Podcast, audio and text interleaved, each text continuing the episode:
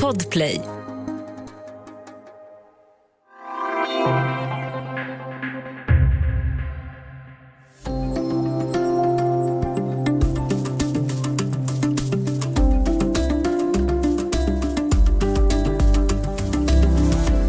Efter Oprah Winfreys intervju med Meghan Markle och prins Harry befinner sig det brittiska kungahuset i kris igen.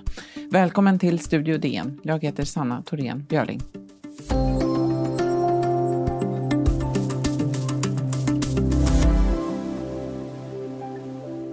Prince Harry, raised in a palace, in a life of privilege, literally a prince, how you were trapped.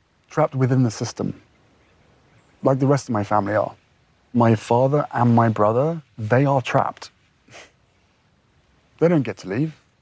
And I have huge compassion for that. Ja, årets intervju, i alla fall hittills, utspelar sig i Kalifornien där Oprah Winfrey sitter på en veranda och ställer frågor till prins Harry, men framförallt kanske till hans fru Meghan Markle.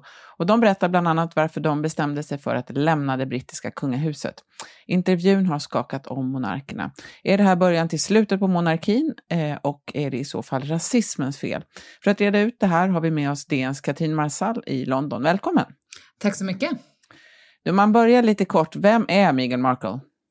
Meghan Markle är en amerikansk skådespelerska, mest känd för att ha varit med i tv-serien Suits i många säsonger. Som gifte sig med prins Harry efter en, en, en ganska kort romans, måste man väl ändå säga, i ett stort sagobröllop i Windsor 2018 som jag var där och bevakade och det känns inte som så länge sedan. Men ehm, knappt 18 månader senare eh, så lämnade prins Harry och Meghan Markle det brittiska kungahuset och drog till Nordamerika, först till, Kaliforn eh, först till Kanada och sen till Kalifornien. Och eh, folk i Storbritannien har undrat ja, vad var det som hände? Vad kan ha varit så hemskt under de här 18 månaderna som prinsessa att eh, du var tvungen att fly hals över huvud på det här sättet? Och eh, nu har man fått höra hennes berättelse i tv. Just det, det är första gången hon eh, talar ut här. Eh, och hon gör det då med Oprah Winfrey. De är ju också goda vänner, de bor grannar där i Kalifornien, framgår det även. De bor grannar och Oprah var på bröllopet och allt sånt, ja. Just det. I en sån här intervju så är ju allting uttänkt. Eh, placering av människor och kläder och smink och uttryck och ljus och vinklar och så. Kan inte du bara berätta lite, vad var det, vad var det man såg här i den här intervjun och hur ska det liksom tolkas? Det var Meghan Markle gravid med parets andra barn utomhus i Kalifornien med Oprah Winfrey på liksom tillräckligt avstånd. Det är, ju, det är ju fortfarande pandemi. Och sen prins Harry som kom in under och var med under, under delar av det här samtalet. Och eh, Oprah Winfrey som gör sin grej. Hon är ju väldigt bra på följdfrågor och att få eh, kända människor att eh, berätta om sig själva. Mm. Eh, de lämnade då, som du sa, Storbritannien och kungahuset i januari förra året. Först till Kanada och sen till USA. Och varför de gjorde det då, det kom ju upp i den här intervjun. Eh, Markle berättar om en nästan fängelseliknande upplevelse och eh, också då att hudfärgen på hennes då ofödde son diskuterades som ett potentiellt problem. I alla fall om skinnet på honom skulle vara för mörkt. Vi ska höra lite vad, hur det lät. So we have in tandem the conversation of he won't be given security He's not going to be given a title. And also concerns and conversations about how dark his skin might be when he's born. There is a conversation. Hold up, hold up. There's Stop several right now. There are several conversations. There's a conversation it. with you with Harry about how dark your baby is going to be. Potentially, and what that would mean or look like. Ooh. Ja, eh, Eh, Katrin, var det här det huvudsakliga skälet till att de drog? Ja, hon beskrev ju i intervjun eh, en tillvaro där hon fick liksom stora problem med psykisk ohälsa och till och med var eh, självmordsbenägen och led väldigt mycket i den här nya tillvaron i, i palatset i London. Och hur hon då inte upplevde att hon fick tillräcklig hjälp, hur hon nästintill upplevde att hon motarbetades och hur hon framförallt inte fick stöd från hovet när brittiska tabloidpressen kastade sig över henne med ofta sexistiska och till och med rasistiska undertoner och undertexter. Och allt detta gjorde henne, eh, ja, sjuk eh, på ett sätt som jag tror ingen riktigt hade någon, någon aning om. Och den här intervjun slog ju ner som en, som en bomb. Men det är ju naturligtvis det här som hon säger om diskussionerna som, som hon och prinsen påstod eh, fanns om eh, deras barns hudfärg som har blivit den stora nyheten här och liksom öppnat upp en väldig massa diskussioner i Storbritannien om ras och rasism och, eh, och så vidare. Man måste ju komma ihåg att det här är ju ett, ett väldigt eh, mångkulturellt samhälle och 15 procent av, av britterna är är inte vita då, utan är bruna och svarta som man brukar kategoriseras här. Det är ganska många som har den här typen av eh, äktenskap där en person är, har en hudfärg, en annan har en annan hudfärg och som känner igen sig i den här typen av fientligheter som, som Meghan Markle och prins Harry berättar att de bemöttes av. Mm. Alltså, vi vet ju inte vem det var i, i kungafamiljen som sa det här. Vi vet att det inte var drottningen eller hennes man. Ehm, men en sak man kan fråga sig är ju hur förvånade britterna är över det här pratet. Det har ju varit uppmärksamheten kring de här rasistiska undertonerna i hur, hur Meghan Markle har bevakats har ju varit uppe. Det har ju varit ehm, 72, tror jag, eh, parlamentsledamöter som har protesterat mot detta, men kungafamiljen själv har inte sagt någonting. Eh, hur, hur förvånade är britterna över eh, att det här blev en fråga i kungafamiljen? Ja, det är en diskussion just nu om liksom hur man ska behandla det här. Egentligen liksom nästan på ett så här HR-plan där liksom oppositionsledaren Keir Starmer har varit ute och sagt att man måste ta det här på allvar. För det är klart att liksom kungahuset är ju också en arbetsgivare och måste följa diskrimineringslagstiftning och så vidare. Um, och eh, problemet med det här uttalandet i intervjun är ju att de just inte nämner något namn, eh, vilket gör det svårt att naturligtvis ta det här vidare på det sätt som många menar att man borde ta det här vidare, liksom rent formellt. Um, så det finns en diskussion. Premiärminister Boris Johnson har än så länge inte velat uttala sig. Uh, men det finns definitivt krav på att liksom det ska, de ska säga mer helt enkelt. Vem var det här? Så att man just kan, kan undersöka det och, och göra någonting åt det. Så att eh, viss förvåning är det nog ändå. Um, och ja, um, må många, många diskussioner. Eh, flera saker diskuteras ju under den här intervjun och eh, Eh, det har ju blivit väldigt mycket också efteråt då förstås. En sak är ju om man undrar sig, hon säger ju själv här att hon var naiv när hon gick in i den här familjen. Eh, det kan man nog, alltså hon hade ju tydligen inte, hon hade väldigt liten uppfattning eh, om brittiska kungahuset överhuvudtaget. Sen klagar de båda två över att de inte får stöd och pengar och säkerhetsarrangemang och så. Hur mycket av det här tycker du man ska se som att det är privilegierat folk som klagar och hur mycket känns som att det verkligen är på allvar? Alltså jag tror att det hon beskriver om sina, sina psykologiska problem bör man nog ta på allra högsta allvar, särskilt eftersom det är ju någonting som personer som har kommit in i det brittiska kungahuset, inte minst prinsessan Diana, har vittnat om tidigare. Och eh, och så vidare. Och den här rasismanklagelsen naturligtvis också måste man ta på, på väldigt stort allvar och givet de rasistiska undertoner som har funnits i, i brittisk media mot Meghan Markle också.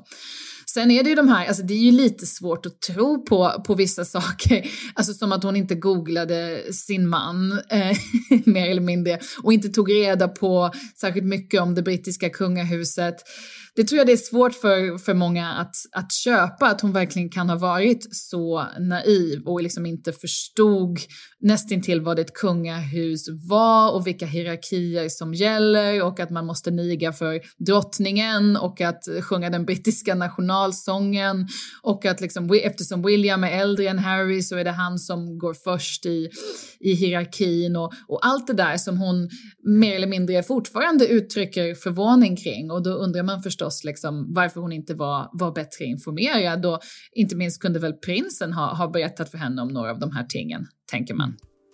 Just det, väldigt spännande. Vi ska alldeles strax prata mer om Oprah Winfreys intervju med prins Harry och Meghan Markle.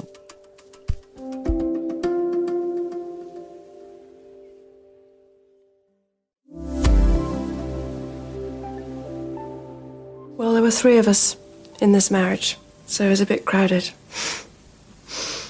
Ja, det brittiska kungahuset har ju varit blåsväd i blåsväder många gånger förr. Det där var prinsessan Diana 1995. Redan på 30-talet abdikerade Edward VIII för kärlekens skull och bara häromåret så trädde prins Andrew tillbaka från alla offentliga sammanhang efter att ha varit eh, vän med amerikanen Jeffrey Epstein som åtalades för flera eh, sexuella övergrepp. Just nu görs ju då flest jämförelser ändå med det som vi hörde här, prinsessan Dianas intervju. Eh, Katrin, vad tycker du, hur relevanta är de här jämförelserna? Nej men det, det är klart att de är relevanta. Den här intervjun som eh, prinsessan Diana gjorde 1995 på, på BBC är ju liksom helt ikonisk. Uh, hur hon satt där i svart och liksom tittade mot, mot kameran och sen den här, den här frasen som vi hörde, det fanns tre personer i mitt äktenskap så det var lite trångt. Eh, det, det är ju en fras som, som fortfarande så att säga det brittiska kungahuset måste, måste hantera decennier senare och det är ju eh, mycket möjligt att det som, framförallt det som Meghan Markle sa om att de hade sagt gällande hennes sons hudfärg blir något liknande, någonting som liksom hänger kvar på det sättet och verkligen solkar ner deras auktoritet och rykte och så vidare. Mm. Båda pratar ju också om mental hälsa och vad pressen på en ingift medlem av det brittiska kungahuset innebär. Här har vi först Diana och sen Meghan Markle. So, I, yes, I did inflict upon myself I didn't like myself. I was ashamed that I couldn't cope with the pressures. I just didn't want to be alive anymore. And that was a very clear and real and frightening constant thought. Båda pratar här ju om eh, allvarlig psykisk eh, och mental ohälsa, att de har självmordstankar och har skadat sig själva. Meghan Markle är ju ändå äldre, hon är mer självständig och också mer självsäker än vad Diana var. Eh, vad säger du Katrin, eh, gör det det här mer allvarligt för kungahuset än det som hände 1995? Ja, det är en väldigt intressant fråga. Alltså, Meghan Markle var ju lika gammal när hon gifte sig med prins Harry och så att säga kom in i det brittiska kungahuset som prinsessan Diana var när hon gick bort. Um, så det var ju en, en stor åldersskillnad och och eh, Meghan Markle, precis som du säger, hade en karriär och, och helt annan utbildning och, och liksom hade stått på, på, på två egna ben än vad prinsessan Diana som kom som, som tonåring in i, in i kungahuset. Och ändå händer då det här. Det, det är klart, jag tror att det, det gör det hela allvarligare och framförallt kvinnors villkor i den här institutionen som ju trots allt handlar om att prinsessor ska, finns till för att föda fram nya arvingar som kan föra så att säga, monarkin framåt. Och eh, det är klart att det är svårt att passa in den typen av liksom, idéer i en modern värld. Och, eh, och sen så att det här inte verkar vara en organisation som, som klarar av att, eh, att ta hand om den här typen av, av problem. Mm. Vad vet vi om hur kungahuset har reagerat? Vi vet just nu ingenting förutom att det påstås pågå olika former av krismöten.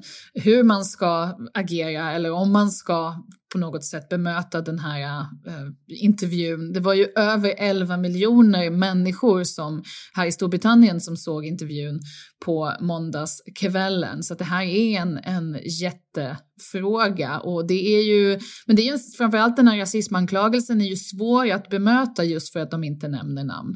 Mm. Sen har vi då medierna då, särskilt den brittiska tabloidpressen är ju ökänd för att vara väldigt brutal och det, den eh, kommer ju, undgår ju inte kritik nu heller och är en starkt bidragande orsak till att, de, eh, till att paret mår så dåligt. Eh, hur har de rapporterat om den här intervjun? Ja, de har ju verkligen gått igång. Alltså, Daily Mail har ju, vet, så att säga, gått på alla cylindrar och bara spottar ur sig vinklar och artiklar. Eh, men till den här saken hör ju att prins Harry och, prins, eh, och Meghan Markle har ju vunnit eh, flera stycken uppmärksammade fall här juridiskt mot brittisk media som har skrivit saker om de, de som har varit osanna.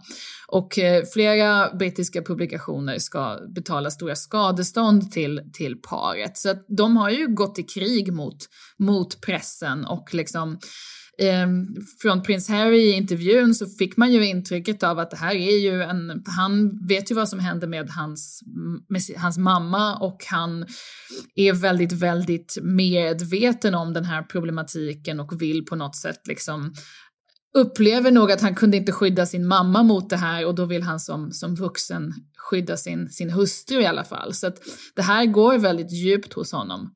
Men mm. sen är det ju många som tycker, och det måste man ju tillägga här i Storbritannien, som tycker att liksom, vad är det här för trams?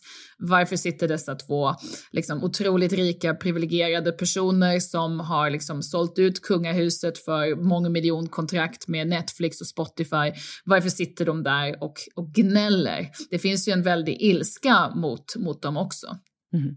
Vad tror du då? Är det här, eh, det, det, brittiska kungahuset är ju en minst sagt anrik institution. Är det här, hur allvarlig är den här krisen? Är det början till slutet för dem eller Ehm, kommer det här att skyla? Kommer, kommer, kommer man att komma tillbaka?